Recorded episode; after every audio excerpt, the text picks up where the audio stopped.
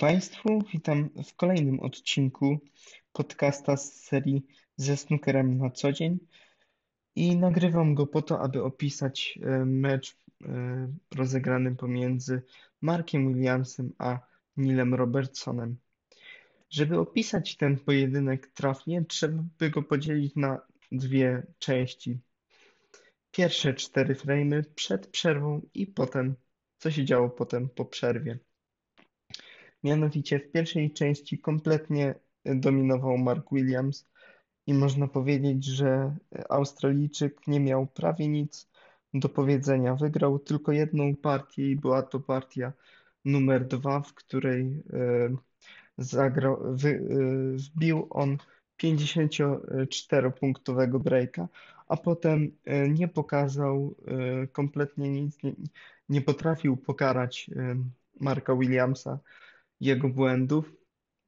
Wszystko zmieniła partia piąta, w której e, wydawało się, że Mark Williams ma pełną kontrolę, jest przy rozsypanym, e, fajnym układzie do, do ściągnięcia. Brakowało mu jednej bili do, do zwycięstwa. Była to brązowa z punktu, której Williams niespodziewanie nie trafił. I to był punkt zwrotny całego spotkania. E, Australijczyk e, podszedł do stołu, zczyścił e, cały układ z breakiem 59, zacisnął pięść, wykrzyknął sobie coś pod nosem i to zmieniło jego nastawienie do całego meczu. Kolejne dwa frame'y wygrał breakami 102 i 69. Potem Mark Williams wygrał jeszcze jednego frame'a, ale to był jego ostatni akord, można powiedzieć, takie e, pożegnanie się e, z turniejem i nie, nie wygrał tej partii ósmej, przepraszam, tylko punktował w nim jako pierwszy, ale pomylił się na bardzo prostej bili. I to skutkowało tym, że, że Neil Robertson zczyścił układ i wygrał pojedynek po dziewięciu e, partiach e, z breakiem 88 na końcu, wynikiem 6 do 3. Tak pokrótce można by opisać ten mecz. E, wszyscy zwracali uwagę przed tym meczem, że właśnie Mark Williams jest na luzie, że jeszcze jest w tym takim amoku świętowania Mistrzostw Świata, że nie przygotowuje się do, do turniejów, e, a Neil Robertson wręcz przeciwnie, tą przerwę świąteczną wykorzystał bardzo dobrze. Trenował 6 godzin dziennie przy stole, jak donoszą e, media brytyjski, brytyjskich komentatorów.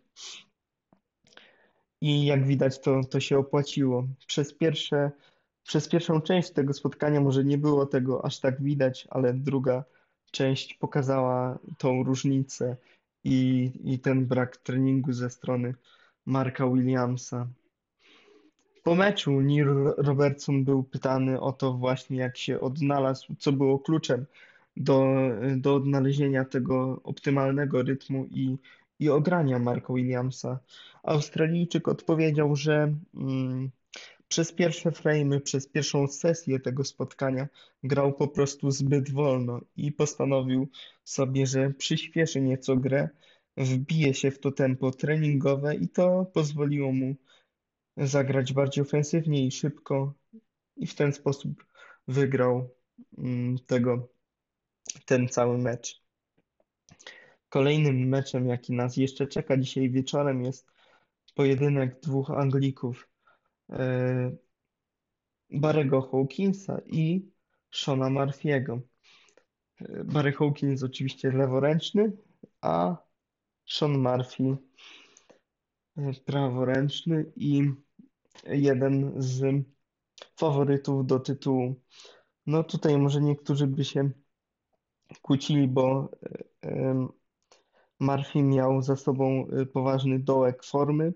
Jeszcze kilka miesięcy temu powiedzielibyśmy pewnie, że, że Hawkins ma y, łatwą drabinkę, ale teraz nie byłbym tego taki pewien, biorąc pod uwagę kwalifikacje do turnieju German Masters, gdzie Magik e, zaprezentował się wyśmienicie. Mianowicie w siedmiu frame'ach wbił, w dziesięciu frame'ach wbił siedem setek i jego forma zdaje się pikować w górę. Będzie to bardzo e, ciekawy pojedynek, ponieważ jak mniemam, Barry Hawkins również e, jest bardzo dobrze przygotowany, jak zawsze na pojedynki potrójnej korony. Chciałem zwrócić uwagę, że jest to zawodnik, który może nie gra najlepiej przez cały sezon, ale gdzieś tam na, na te najważniejsze turnieje w roku zawsze potrafi się przygotować i jest taką szarą myszką, jeżeli chodzi o te turnieje potrójnej korony. Gdzieś tam nikt na niego nie stawia, a jak otworzymy oczy, no to gdzieś tam zobaczymy go zawsze wysoko, gdzieś w ćwierćfinałach lub w półfinałach. Więc myślę, że tak może być i tym razem. Wszystko zależy od tego, e, jak zagrają obaj panowie i czy będą skoncentrowani. Wiem, że trenowali na to bardzo ciężko. Widziani byli obaj dzisiaj przy stole treningowym. Miejmy nadzieję, że uda się to przełożyć na stół telewizyjny i niech po prostu wygra lepszy zawodnik. Nie miałbym nic przeciwko, gdyby Murphy tą setkową formę z, z turnieju kwalifikacji przełożył także na mecz w Mastersie. No zobaczymy, jak to będzie.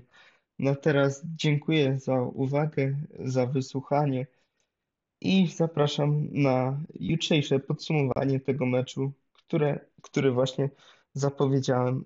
Ukaże się gdzieś tam rano albo przed południem, więc proszę e, o uwagę, gdzieś tam śledzić te media społecznościowe. Pozdrawiam, Snookerowe News.